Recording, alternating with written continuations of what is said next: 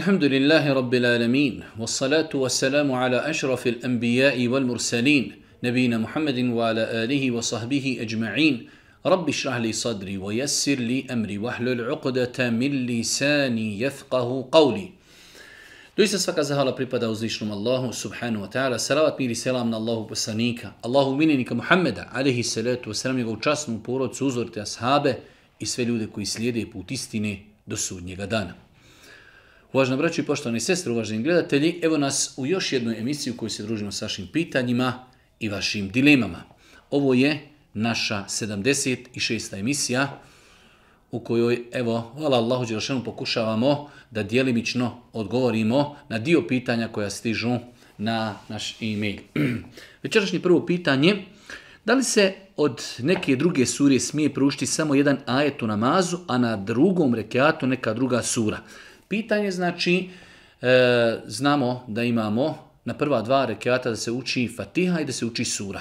Da li možemo na prvom rekiatu da proučimo samo nešto što kod nas zovu ašar, da proučimo dio suri, a na drugom rekiatu da proučimo da proučimo e, suru neku kraću. Pa primjer radi da na prvom rekiatu proučimo ajetul kursi, jer je to dio sure al-Beqara, a na drugom rekiatu da proučimo kulhu ahad definitivno nema nikakve smetnje, pošto generalno gledajući e, kada je u pitanju učenje Kur'ana u namazu nakon fatihe je pohvalan čin. I samim tim, znači, hajde kažemo, to poglavlje je prepuno tolerancije, tako da ne moramo na oba rekeata da učimo potpune sure, ili ako smo na prvom rekeatu učili e, dio neke sure, neki ajet, da moramo na drugom rekeatu nastaviti, ili da opet moramo učiti neko drugo ašare, nema smetnje, znači da na jednom rekeatu, prvom rekeatu, proučimo samo neki ajet, neko ašare, a drugom rekiatu da učimo jednu zasebnu suru. Spominjao sam određenoj braći hadis koji govori o dizanju ruku na mazu, mimo početnog tekbira i njih zbunjuje to što se kaže da se ruke dižu četiri puta u namazu.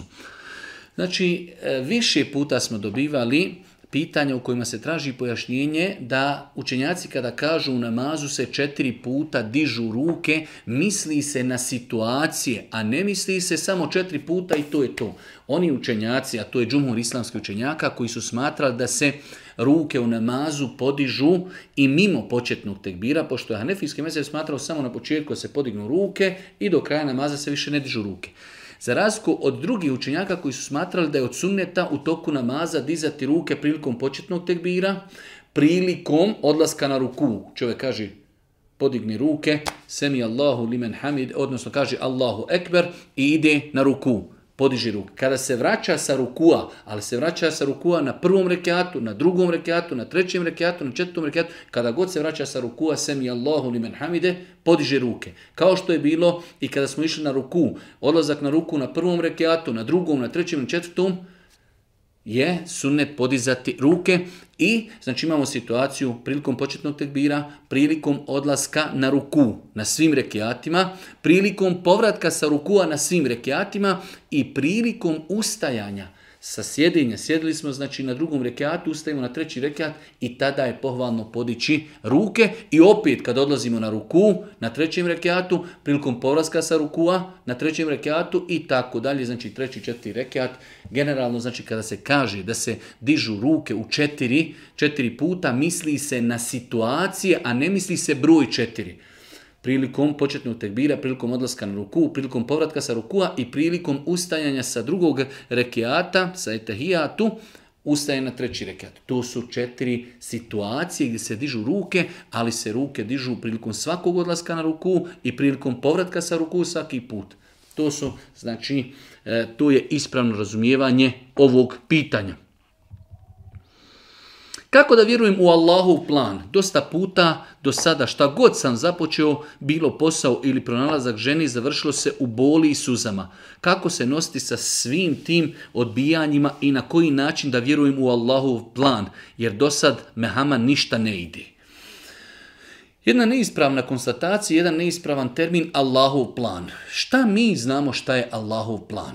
Naše je da radimo, da se trudimo da vjerujemo u Allaha, da se e, oslonimo na Allaha, da dovimo da nam Allah Želšanu olakša, da poduzimimo s dunjalučkog aspekta sve što možemo. Nakon toga, ako nam se desi ono što je dobro i lijepo, zahvaljujemo Allahu. Ako nam se desi nešto što mi ne volimo, strpit ćemo se, tražiti nagradu od Allaha za strpljenje onoga što nas je zadesilo. I to je ispravno razumijem. A čovjek da sebi u glavu e, utisni i ne znam nija Allahov neki plan sa mnom. Šta mi znamo šta je Allahov plan sa nama?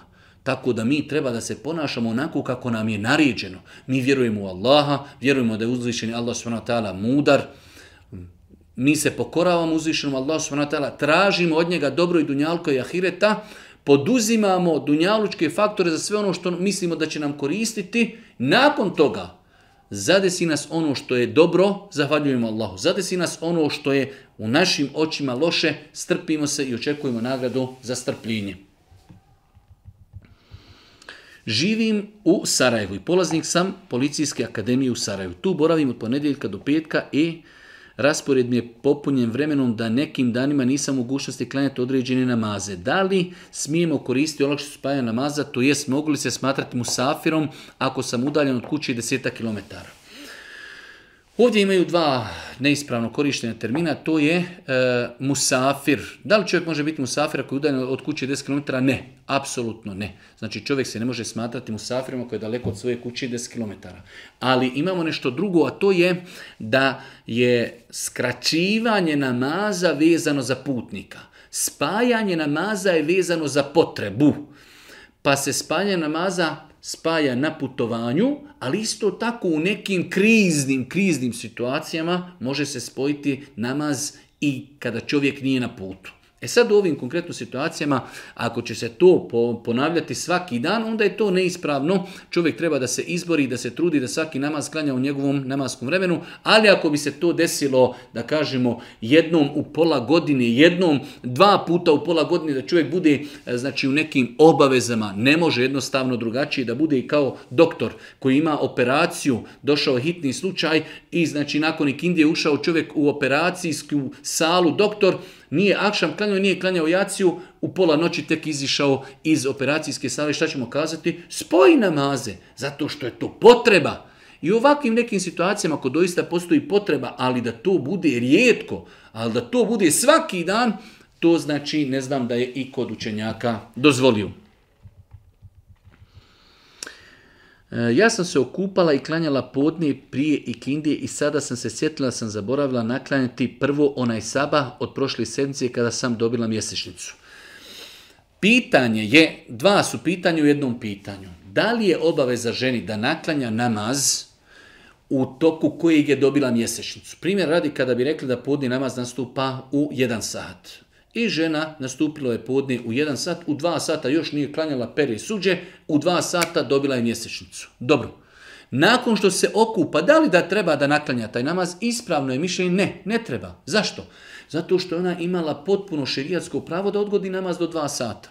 Mogla ga odgoditi još Imala je vremena da ga poslije klanja. To što je dobila mjesečnicu, to je nešto što je ispriječilo da klanja namaz, tako da ako se desi ženi da je nastupilo namasko vrijeme, i nakon određenog perioda ona još nije klanjala taj namaz i dobije mjesečnicu, ona taj namaz neće naklanjavati. To je jedno pitanje. Drugo pitanje je sada, po pretpostavci da treba taj namaz naklanjati, žena kaže ja sam se okupala, klanjala sam podnje, klanjala sam i kindju, sjetila sam se da nisam klanjala saba, da ga još nisam klanjala onaj kada sam dobila mjesečnicu. Po mišljenju da treba naklanjati taj namaz, ako bi osoba zaboravila, klanjat će ga onda kada se sjeti. U ovom slučaju, znači, žena je klanjala već podne, klanjala je i kindiju. Nakon toga će klanjati sabah namaz i to je to, iako, znači, rekli smo da joj to nije obaveza. Zanimam da li možemo dati zekat, e, dio zekijata u udruženje koji pomaže novorođenim bebama i ljudima u potrebi ili prvo trebamo kontaktirati udruženje da se raspitamo u vezi toga. U svakom slučaju davanje zekijata institu, eh, udruženjima, eh, znači može samo ako će ta udruženja dati zekijat ljudima koji ga zaslužuju. Znači ako mi imamo neko udruženje koje evo ovdje piše udruženje eh, koje se bavi pomaganjem novorođenih beba. Znači udruženje je samo posrednik, daje ga nekome ko zaslužuje, ko znači jednostavno imate situacija u svijetu kada ljudi jednostavno nemaju niti vremena niti znaju nekoga ko šerijetski potpada pod kategoriju zekijata. Dobro, mi ne znamo, ima neko udruženje, radi u Africi, radi ovdje, radi ondje, e, imaju spisak ugroženih ili socijalnih poruca u redu.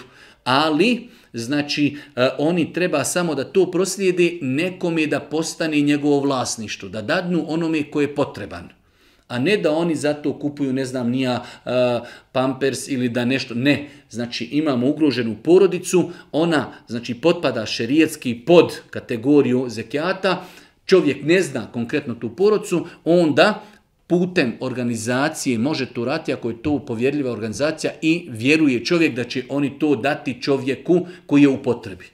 Znači, davati udruženjima, ako će to oni trošiti e, znači, na sve, člano, sve žene koje su se porodile, imate među tim možda ženama koje nisu od kategorije zekijata, ili da one nešto tim ženama kupe neispravno. Mora se konkretno novac dati tim porodicama koje su ugrožene.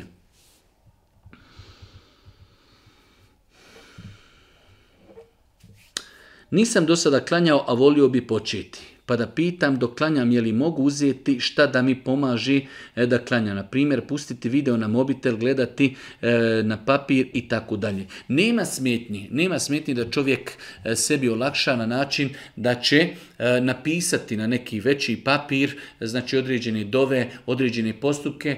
Poslije će čovjek naučiti i shvatiti da je to bilo toliko jednostavno, ali u početku jednostavno taj redoslijed namaza, Allahu Ekber, pa e, Subhaneke, pa Euza, pa Bismillah, pa Fatiha, pa Sura, pa Ki, pa Ruku, pa povratak, pa Sežda, pa druga Sežda, pa ustajanje. Jednostavno ima tu dosta e, dova, ima mnogo novih nekih postupaka koji čovjek možda prije nikada nije znao, tako da nema smetnje da čovjek sebi to stavi na neki papir, napiše redoslijed, određene dove koji ne može naučiti odmah napamit da uzme sa papira u toku namaza da ih pročita, dok se inš inšala ne nauči, ispravno je da to uradi čitajući sa papira. ljetni period često nosim šorc oko koljena, često iznad koljena i si me e, da mogu, zanima me da li mogu obaviti namaz nekada i tako, uglavnom budem na nekom sjelu, nekada nemam trenerke i tako dalje. Generalno, islamski učenjaci, džumhur islamskih učenjaka, većina islamskih učenjaka smatrali da koljena sama po sebi nisu avret. Znači, koljena sama po sebi nisu avret. Pa čak ni u namazu. Što znači ako bi čovjek klanjao u namazu u šorcu koji dolazi do koljena, njegov namaz je inšala ispravan. Tako da insan ako bi se zadesio negdje, da je šetao jednostavno nastuplo namasko vrijeme, boji se dok dođe kući, dok obuče neku trenirku, da će proći namasko vrijeme, da klanja u takvom šorcu, inšala njegov namaz je ispravan s tim što treba čovjek da se pazi, da to ne bi znači otišlo u popuštanje, pa da kaj, pa dobro, može pola noge da se vidi i stegno i tako dalje. Znači, ono što su islamski kazali jeste da samo koljeno nije avret, nije Stigni dio, ali znači stigni dio je do stidni dio je do koljena. Tako da klanjati u šorcu koji dolazi do koljena bi iznila i namaz je validan, ali se treba paziti da ne dođe do poigravanja, pa da se znači šorc pomiči i više prema stegnu, znači samo otkrivanje koljena ako Bog da nije sporno i namaz je ispravan. Često imam problem da proklinjem osobe koje me iznerviraju i za najmanju sitnicu, pogotovo supruga i tako dalje. E, savjet za takvu osobu. Savjet za takvu osobu jeste da čovjek mora paziti i kontrolisati ono što govori. Ne može čovjek, ne može čovjek vjernik znači sebi dozvoliti da nešto kazuje i govori e, nešto što nije dobilo saglasnost njegovog imana, njegovog mozga, njegovog srca. Znači, dobro, može se desiti jednom, dva puta, ali da se to dešava kontinuirano, to je problem da mi ne kontrolišemo svoj jezik. Šta mislite da tako opsujemo, šta kažete da tako slažimo? Znači, to i je spojenta islama da kontrolišemo svoj jezik. Neispravno je proklinjati osobe. Allah poslanika, ali se letu selam zabranjivao i urodostojnim hadisma da čovjek proklinje e, druge ljude, pogotovo ako se desi da te osobe e, nisu neko ko radi nešto što zaslužuje proklijstvo tako da, šta je savjet? Savjet je da čovjek dovi Allah te barko tela da mu olakša. Druga stvar, da se trenira, da pazi, da kontroliše svoj jezik, da šuti, da zatvori usta, da se vježba na kontrolisanje jezika. Kao što kada dođemo u prodavnicu pazimo kako se ponašamo, kada odemo u školu, kada smo u tramvaju, isto tako u tom nekom momentu kada nam dođe nagon, ne daj Bože, ili ta neka, možda je to postala uzrečica, ali imate ljudi koji su imali uzrečicu da nešto psuje, pa vremenom to ostavi. Imate ljudi koji su imali neke e, loše uzrečice, pa vremenom, kontrolom jezika, čovjek to ostavi. Tako da ne preostaje ništa drugo osim trud, želja, tijenje, kontrolisati svoj jezik, zatvori usta i dok ne budeš siguran da ono što ćeš kazati je ispravno. Ko vjeruje Allah i sudnji dan, neka govori dobro, ispravno ili neka šuti. Osnove treba šutiti. Pazi, koncentriši se, ne možemo mi dozvoliti našem jeziku da on priča nekontrolisano. Moramo mozak, srce, iman uključiti da kontroliše ono što će naš jezik govoriti. Ulaganje u nekretnine sa zagarantiranim procentom zaradi. Ako, na primjer, uložim 1000 eura, garantirano mi je 8% zaradi u roku od, naj, e, od najviše 12 mjeseci. Da li je to ispravno? Ne, nije ispravno. Znači, čovjek kada u islamu investira, tada ima rizik i zbog tog rizika on ima pravo i da zarađuje. Ali ako nema rizika, onda nije ispravno tražiti ograničen procenat zaradi. U islamu ako ja imam novac, a ne želim sa njim da obrčim, ima neki drugi čovjek koji hoće da obrči naš novac, ali nema novca, ali ima znanje, onda ja i on ulazim u partnerstvo, ja dajem novac, on daje trud. I onda kažemo investiraj, ako zaradiš, dijelimo zaradu 50-50 ili 40-60 i tako dalje ali isto tako postoji mogućnost da propadne biznis. Pa zbog tog rizika imamo pravo na zaradu. Ali u ovom slučaju ulazim u investiciju i neko mi kaže garantiram ti da ćeš zaraditi toliko. To je u islamu neispravno. Neispravno je da ulazimo sa čovjekom u e, biznis u partnerstvo i da se on obavezuje da će nam davati Procenat znači garantiran. To je neispravno, e, znači i zbog toga i je zabranjena kamata, evo ti 100.000, garantirano mi vrati 110. Nema nikakvog rizika sa garantiranom zaradom. Znači čovjek ako želi da negdje investira, investira, može propasti, ali isto tako ako zaradi ima pravo da uzme zaradu. Tako da investiranje sa partnerima koji vam garantiraju zaradu nije šerijetski ispravno. Naime, ja sam frizer, žena, po struci, šišam žene, ponekad muškarce, svekra, ukućane moje, e, moje ukućane, babu, brata i tako dalje. Sad me interesuje da li je to ispravno. Kad su u pitanju žene, dozvoljeno da žena bude frizer, ali da frizira samo žene koje su šerijetski ispravno pokrivene. Ne može žena e, da dođe i da bude frizer i da šiša žene, da im napravi frizure i ta žena ode napolje i pokazuje ljudima svoje avrete i pokazuje kako joj tamo neka e, žena, frizer, napravila frizuru. Nije ispravno, to je potpomaganje u njenom grijehu.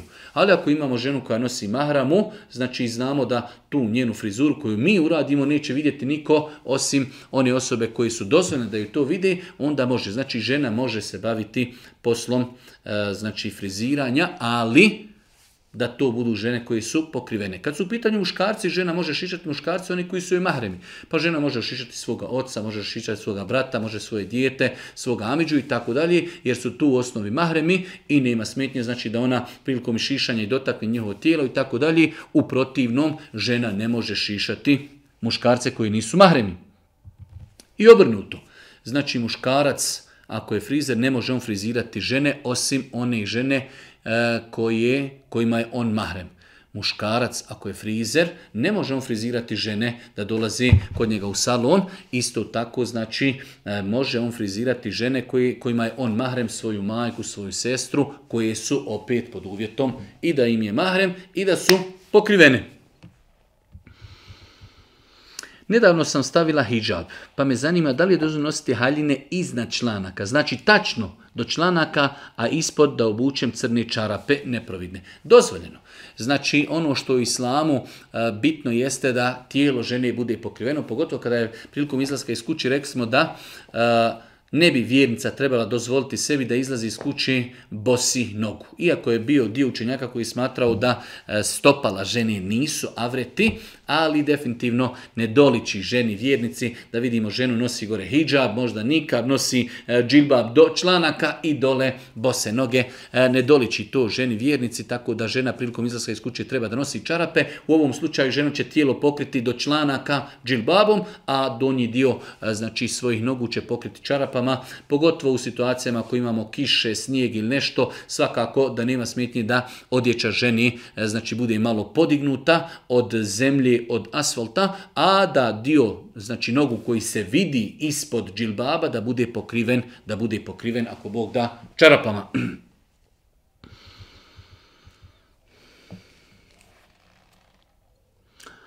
Imamo jedno pitanje da čovjek kaže e, njegova žena je bila nemuslimanka, nakon toga izučavala islam, studirala islam i sada je, kaže, e, prihvatila, primila je islam. Mi smo vjenčani, znači, vjenčanjem, općinskim vjenčanjem. Sada me zanima da li moramo se ponovo šerijetski vjenčati. Ovo je jedno od pitanja koje sam ja kazao da je jedno izuzetno teško pitanje, znači obnavljanje bračnog ugovora u pogledu osoba koje nisu ispravno stupile u šerijetski brak.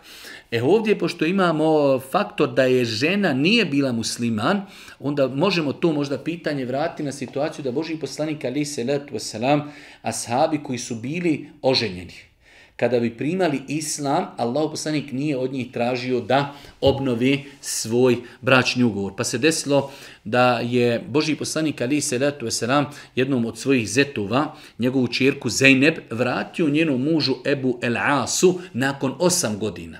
Znači ona je primila islam, on nije primio islam. I ona je učinila hijđu sa Božim poslanikom. Nakon toga, nakon osam godina on je došao i znači e, primio islam i Boži poslanik mu je vratio njegovu suprugu nakon osam godina i nije obnovio njihov bračni ugovor. Tako da u situaciji kada bračni znači e, drugovi primi islam u takvim situacijama ne treba obnavljati e, znači bračni ugovor ali ovdje imamo situaciju da je muž bio musliman njegova žena je bila nemuslimanka ali on imao pravo da oženi nemuslimanku bez toga da ona primi islam, u osnovi trebali su osnovi da se šerijatski vjenčaju, ali je to sad u narodu poznato da su oni muž i žena. Da li u takvim situacijama je obaveza obnoviti brak ili ne, doista je to jedno teško pitanje. Ja sam rekao da bi volio da neko e, instituciji islamske zajednice i Fetva El Aminu postavi ovo pitanje, jer je mnogo, mnogo takvih slučajeva gdje su ljudi stupili u brak i poznato je u jednom društvu da su oni čovjek i žena, imaju nekoliko djeci, a nisu se šerijatski vjenčali. Da li takav brak je validan i da li ima potreba sada kada shvati da su napravili grešku, da oni ponovo se vjenčaju šerijetski, da li treba to rati ili ne, stvarno je to jedno teško pitanje. Zanima me da li hiđa podrazumijeva samo duge haljine ili je dozvoljena i druga odjeća. E, ako se ovdje misli na duge haljine džilbab, znači imamo odjeću koju žene pokrivene nose džilbab, jednodjelni mantil, znači od ramena do zemlje. Ako se misli na to, onda, kažem, odgovor nije obaveza. Žena bitno je da pokrije svoje tijelo odjećom koja ne oslikava njeno tijelo i nije ovaj za to bude jedodnijeli mantil. Tako da žena može obući e, tuniku kao gornji dio pokrivanje gornjeg dijela tijela, a dole ispod tunike da ovuče suknju. Tako da ne mora odjeća kojom žena pokriva svoje tijelo da bude jednodijelni mantil, Pogotovo kad su u pitanju neke žene koje imaju radnu obavezu, da li u bolnici, da li u prosveti, nastavnica, profesorica i tako dalje. E, u tim situacijama ženama je mnogo lakše da se kreću i e, da jednostavno obavljaju svoj posao ako nisu u jednodnjenom mantilu i samo sjedanje, ustajanje, hodanje i tako dalje. Znači, dozvoljeno je ženi da nosi široku tuniku koja neće oslikavati znači njeno tijelo, da to bude tunika negdje do koljena, a donji dio tijela da znači pokrije suknjom. Ima li neka dova za ozdravljenje? Ovo pitanje sam ciljano e, izdvojio da na njega odgovorimo iz razloga što dosta puta ljudi postavljaju pitanje šeh ima li dova za ispit, ima li dova za ženitbu, ima li dova za ozdravljenje, ima li dova za nafaku i tako dalje, iz čega mi shvatamo da ljudi jednostavno imaju pogrešnu percepciju i pogrešno ubjeđenje u pogledu dovi. Dova i jest to da mi svojim riječima kažemo gospodaru ono što nam treba. Ima li dova za ozdravljenje? Ima. Da svojim riječima kažeš gospodaru ja sam bolestan, izliječi me. Ima li dova za nafaku? Ima. Gospodaru svojim riječima ja sam siromašan, obskrbi me. Ima li dova za ispit? Ima. Gospodaru sutra imam ispit, olakšaj im polaganje ispita. Ima li dova za brak i za ženitbu i to? Ima. Gospodaru želim da se oženim, olakšaj mi da nađem čestu i moralnu suprugu. Svojim riječima zna znači na bosanskom maternjem jeziku, bilo kojem drugom, arapskom, turskom, albanskom, makedonskom i tako dalje, da svojim riječima gospodaru subhanahu wa ta'ala tražimo ono što nam je potrebno. Da li je grijeh ako se moj suprug moli za svoje rotelje iako su hr, e, hrišćani, i, i tako dalje. Mm, ja sam postavio dodatno pod pitanje o ovoj osobi da li su ti ljudi živi ili ne, pa su odgovorili da. Znači, dozvoljeno je čovjeku, čiji roditelji još nisu prihvatili vjeru islam, da moli Allah Đelšanu za njim, za njihovog života, da je Allah uputi na pravi put. Znači, dozvoljeno je muslimanima da dove za nemuslimane dok su živi, da dove Allah da je Allah Đelšanu uputi na pravi put. I to je činio Boži poslanik se letu sram da je za više osoba koji su bili muslimani dovio da je Allah Đelšanu uputi na put istini. S tim što treba znati ako osoba umri kao nemusliman, po konsenzusu islamskog činjaka više nije dozvoljeno za njega doviti. Zato što je on sam sebi svojom smrću presudio da će biti vječni stanovnik džehennema. Sve dok čovjek je živ, bez obzira što je nemusliman, dozvoljeno je doviti za njega, da za njega dovi njegovo dijete, njegova majka, njegov otac i tako dalje, moli i dovi Allahu subhanahu wa ta'ala da ga uputi na put Islama. Ako čovjek umri kao nemusliman, samim tim njegovom smrću prestaje biti dozvoljeno doviti za njega. Zato što mi muslimani vjerujemo da se ljudi dijele u dvije kategorije, muslimani i nemuslimani nemuslimani po vjerovanju i po dokazima Kur'ana i sunneta, osoba koja je čula za Božijeg poslanika i umri, nije povjerovala u njega, bit će vječni stanovnik džehennema, za razliku od muslimana, monoteista, koji koji vjeruju Allah subhanahu ili će ući direktno u džennet ili će možda biti jedan period kažnjeni zbog svojih grijeha u džehennemu, nakon toga će vječno završiti u džennetu. Opet jedno malo duže pitanje, e, znači gdje čovjek kaže počeo je da e, klanja, nije nikad e, prija imao priliku da nauči nama, sada kaže, e sad me zanima, s obzirom da tek učim klanjati i nekako mi je lakše naučiti praktičnim načinom pamtiti kako obavljam namaz. Da li mi je dozvoljno prisjećati se na način da čovjek stavi pored sebe papir i tako dalje? Dozvoljno u više odgovora smo kazali da je dozvoljeno da nema smetnje da čovjek ispiše pored sebe e, zikrove, dove i da ispiše redoslijed radnji. Da ispiše redoslijed radnji, znači dok se ako Bog da dan, dva, pet, sedam, deset dana čovjek će koristiti olakšice papira, nakon toga će to ako Bog da brzo naučiti.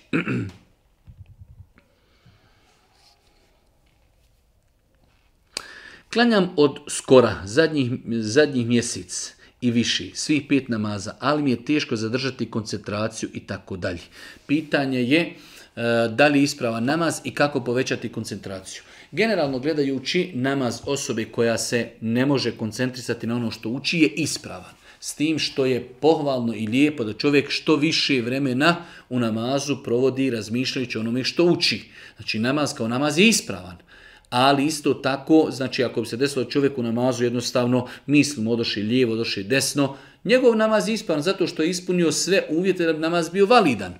E sada ostaje da je pohvalno i lijepo da čovjek se e, i trenira i natječe i ulaže trud da što više vremena, što više vremena bude koncentrisan na ono što se uči. Definitivno mi imamo problem, klanjamo i namaz jedino ispravno se klanja na arapskom jeziku, samim tim mi i ne znamo šta učimo, pa je pohvalno i lijepo u knjigama koje govori o namazu da naučimo prijevod onoga što se uči, da naučimo prijevod Subhaneke, prijevod Fatihe, prijevod onih nekoliko sura koje znamo, da pravo e, znamo prijevod onih dova koje učimo namazu, prijevod etehijatu i tako dalje, kako bi se jednostavno lakše mogli koncentrisati na namaz i ono što učimo. To je jedan od najučinkovitijih načina jačanja koncentracije, da čovjek nauči prijevod i da razumije ono što uči u namazu.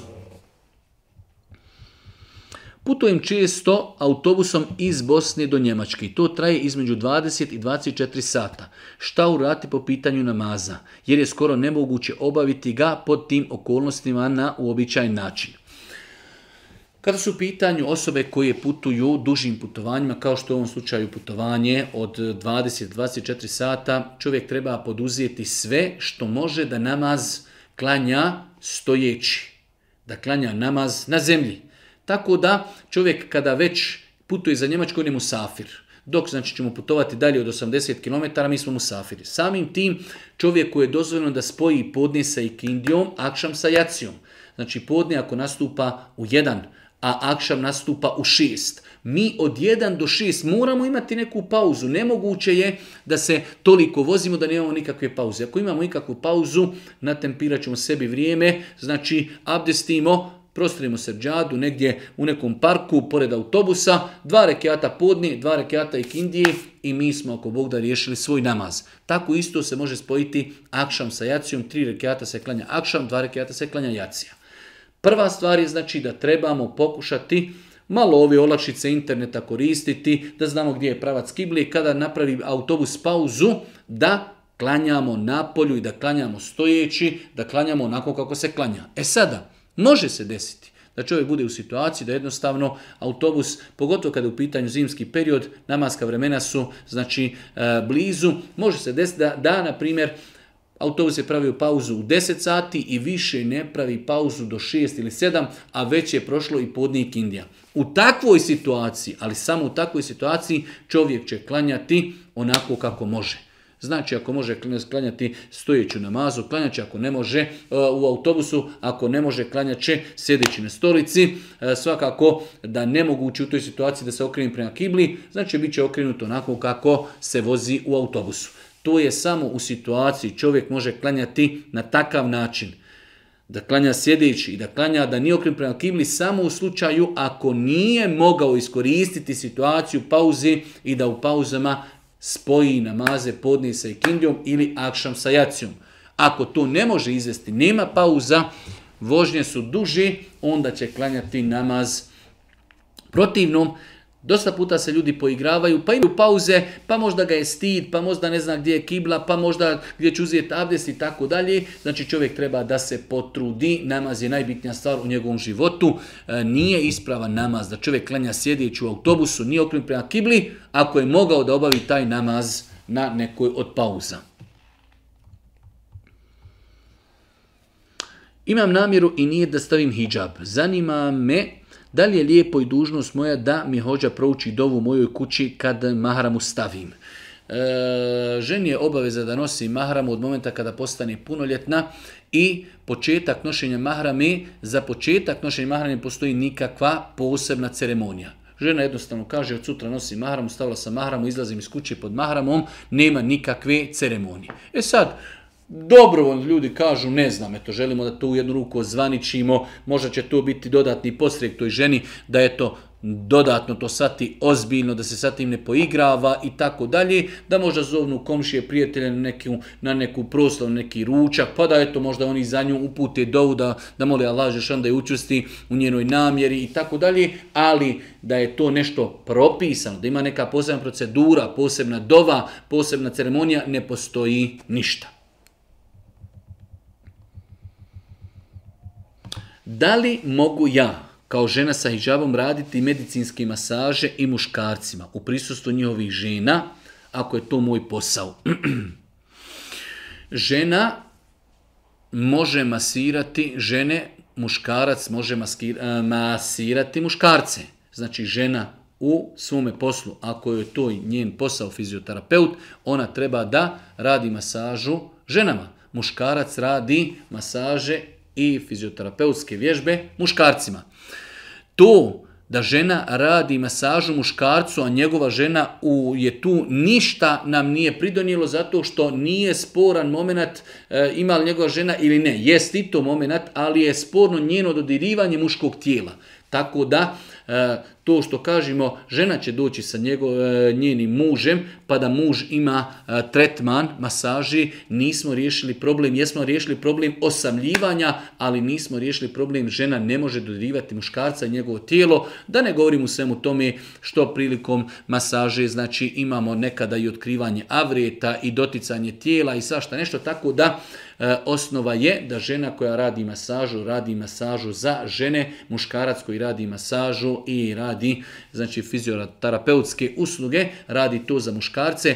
Isto tako muškarac ne može raditi e, masažu ženi, ali eto njen muž je tu i žena ne može raditi masažu muškarcu, eto njegova žena je sa njim. Sve je to neispravno. Ovo govorimo o općem propisu.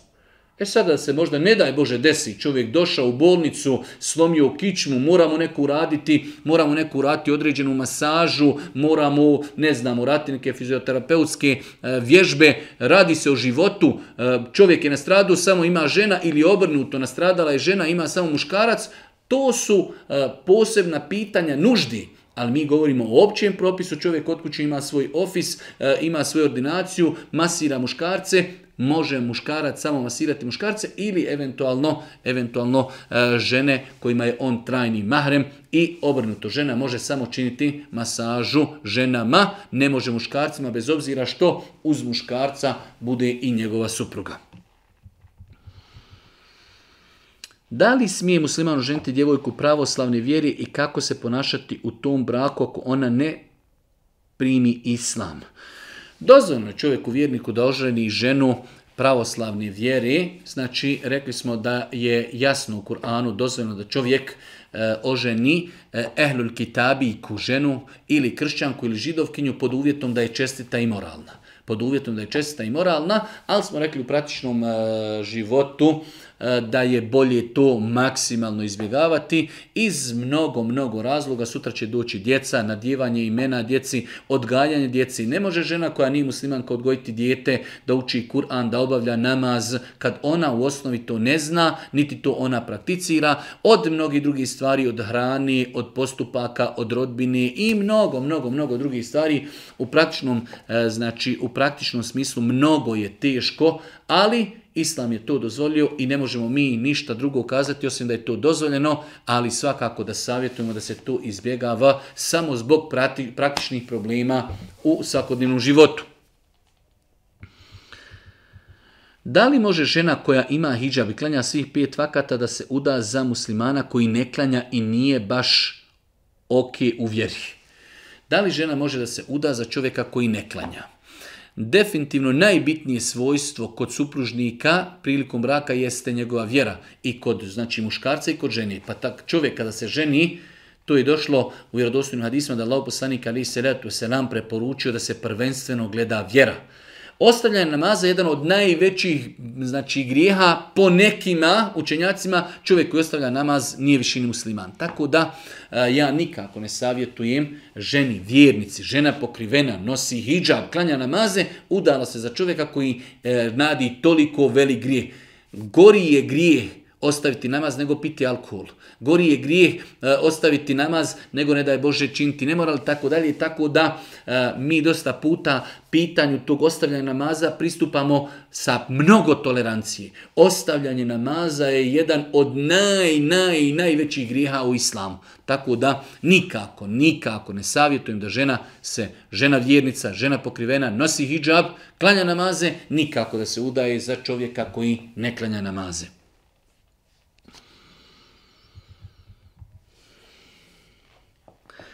Imam jedno pitanje, postila sam ovu godinu, nisam postila samo jednu nedjelju, sedmicu radi e, mjesečnici. Sada hoću da to napostim, pa ne znam od koliko sati da počnem i kada da se iftarim. E, džaba je, e, ovo su možda nekim našim e, braći, našoj braći i sestrama jednostavna pitanja, ali imamo ljude koji jednostavno vraćaju se vjeri, počnu svoju vjeru prakticirati kroz Ramazan, počnu postiti, ali određena pitanja koja su izuzetno lagana treba im pojasniti. Znači žena koja nije postila u Ramazanu treba da dane koji nije postila da i naposti. To je alhamdulillah ova sestra shvatila, e sada ostaje pitanje od kada da posti do kada. Shodno vremenu, znači gradu, državu, državi u kojoj žena živi ili čovjek koji napašta e, određene dane, e, znači neće isto postiti neko koji je u Švicarskoj, neko koji je u Švedskoj, neko koji je u Americi, neko koji je u Australiji, neko koji je u Bosni. Ali generalno zapamtimo pravilo, e, imamo aplikaciju, imamo vaktiju, imamo takvim mjesta u kojem mi živimo, posti se od pojave zori. Znači ono kada nastupa saba, prije toga trebamo ustati na sehur i znači pojesti nešto popiti. Kada nastupi sabasko vrijeme, od tada moramo postiti do ezana akšama do zalaska sunca, e sad, zalazak sunca, pojava sunca od mjesta do mjesta, negdje se posti 12 sati, negdje 13, negdje 11, negdje 8, negdje 6, negdje 5 i tako dalje, shodno mjestu u kojem živimo, postimo od pojave zori, shodno takvimu, shodno aplikacijama namaskog vremena, od pojave zori, početak sabaha do početka akšama. Kada nastupi akšam, mi ćemo se tada iftariti. Radim kod mame u firmi, imam problem jer mi ne dozvoljava da klanjam za vrijeme posla, a uvijek mi je vrijeme posla u toku bar jednog namaskog vremena. Ne mogu dati otkaz jer mi mama ne dozvoljava, ako imate neki savjet. Savjet je da moramo jasno mami kazati da je Allahov hatar iznad bilo čijeg hatara. Ako mama neće nama dozvoliti nakon razgovora i nakon dijaloga, mi ćemo da dati otkaz. Moramo se tako, to što je mama u pitanju, to znači ništa ne mijenja situaciju kao što bi to rekli i tamo nekom gazdi Švabi i Švicarcu i Bosancu i ne znam bilo kom je drugom. Isto to moramo kazati majci. Na lijep način kažemo majka Allah ti dao svako dobro. E, sada mi je namasko vrijeme, ja moram klanjati. Ne možeš klanjati, onda dajemo ostavku i tražimo drugi posao. Svakako, e, ako se to može izvesti, da mi klanjamo, da joj mi to i ne kazujemo, to je najbolja verzija. Zašto mora majka znati da mi klanjamo? ali ako već mora znati, ili ako je negdje u blizu našeg okruženja, ili ako živimo sa njom u zajedno istom ofisu i ona vidi da li mi klanjamo ili ne, onda moramo tu biti kategorički jasni, prihvatamo samo posao na koji možemo obavljati e, obavljanje namaza. Nažalost da imamo majke i rotelje koji su znači toliko zategnuti da ne dozvoljavaju svojoj djeci da klanjaju namaz. Kako onda da tražimo od nekog poslovođe i nekog eh, znači čovjeka koji nam je dao posao koji nije s nama ni u kakvoj rodbinskoj vezi, tako da moramo biti tu kategorički, moramo biti jasni, nama se mora klanjati. Esselamu alaikum, možete li mi reći da li je polubrat mog oca? Meni mahrem. Znači, otac od djevojke ima polubrata sa očeve ili majkine, majkine strani da li je on mahrem, da li on mahrem toj svojoj bratišti. Apsolutno da. Znači u islamu, u islamu, kada imamo amidžu, bez obzira da li taj amidža bio brat našem ocu i po majci i ocu ili je samo po ocu ili samo po majci, on je uvijek amidža toj, znači njegovoj, njegovoj bratišni od brata kćeri i on je njoj trajni mahrem čitav život. Znači, amidža, bez obzira da li bio našim ocu brat i po majci i po ocu ili samo po majci ili samo po ocu. Bez obzira, on se smatra mahrem svojoj, svojoj bratišni kćirki od njegovog brata. Ponekad nam se desi da otklanjam namaz, ali po završetku imam osjećaj da to nije baš dobro, iako sam u potpunju ruknu, pa se pitam da li je dozvoljeno ponoviti namaz.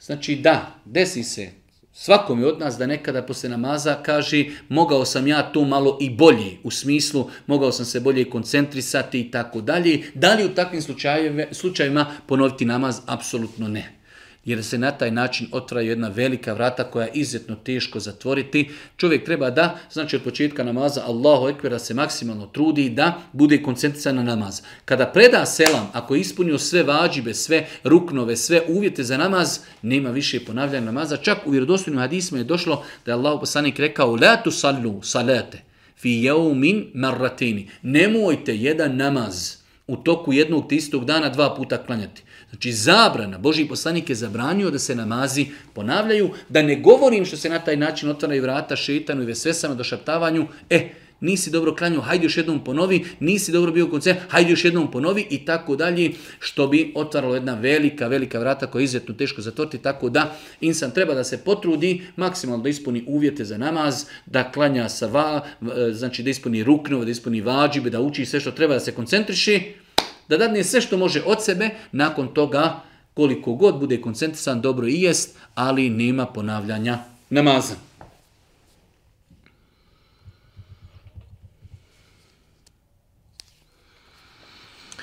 Moj muž jutros je pronašao na našem pragu mrtvu mačku. Bila je crna i malo bijelo po njoj. Kad smo čitali na googlu, piše da to nije u redu i da će nam se desiti neka nesreća. Pa smo se puno uplašili.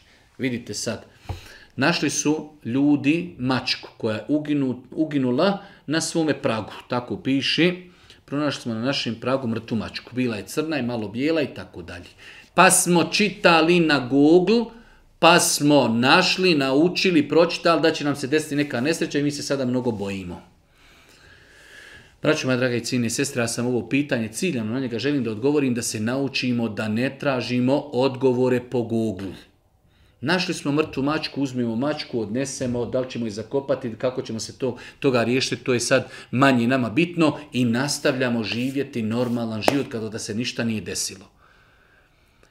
Kakav Google, kako zadešće nas nesreća i mi postali poslije toga ubrigama i tužni i zabrinuti i tako dalje. Ne traže se odgovori na Google Traži se odgovor na Google da nađemo da je neki alim, neki daja, neki šejh odgovorio na pitanje koje je identično našem pitanju. Ne znam, nija, e, klanjali smo, nismo se okrenuli prema kibli, ukucamo u Google, namaz obavljen, a nismo se okrenuli prema kibli. Pricnijemo, aha, imam odgovor dr. Safet Kudzović ili ne znam neko drugi, od daja, od Čehova, od Muftija odgovorio, pročitamo i to je to. Ali uzimati sve što piše na internetu, pogledajte kako to može, prvo što je to neispravno, drugo kako može ljude opteretiti. Isti je slučaj sa tumačenjem snova, našao sam na internetu, to znači ću brzo umrijeti, šta ću, kako ću. Greška je za ovakve postupke tražiti odgovor na internet i sve što pročitamo smatrati da je ispravno. Tako da ovo što se desilo, čovjek ustao, našao na pragu svoje kući, crnu mačku koja je uginula, ništa, uzet će mačku, u vreću staviti, odnijeti baciti u smeće ili negdje zakopati i mirna bosta nastaviti živjeti život kao da se ništa nije desilo.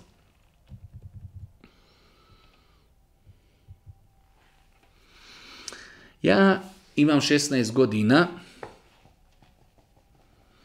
nastojim biti što više u vjeri, ali kaže život mi se nije smiješio baš kako ja hoću. Ja sve nade polažim u Allaha i samo se u njega uh, uzdam. Zato znam da bi dova sve mogla promijeniti, ali ja pravilno ne znam doviti. Pogledao sam sve vaše videe što se tiče dovi, ali ne znam e, ali ne znam to nikako upotrijebiti. Evo imamo jednog momka, 16 godina, momak znači u cvijetu svoje mladosti, kaže da ima problema, ali ne zna kako i na koji način da uputi dovu Allahu, a duboko je uvjeren da dova bi mogla to sve riješiti. E to je problem gdje smo odgovarali već na ova pitanja, kada čovjek pita ima li dova za na faku, ima li dova za ispite, ima li dova za zdravlje i tako dalje. Isto u ovom slučaju, dova je toliko jednostavan ibadet. Podignimo ruke, počinimo dovu sa zahvalom Allahu. Zahvala Allahu se kaže Elhamdulillahi Rabbil Alemin Hvala Allah gospodaru svjetova. Nakon toga donesemo salavat na poslanika i kažemo Wassalatu wassalamu ala rasulina Neka je salavat spasi mir na Božih poslanika.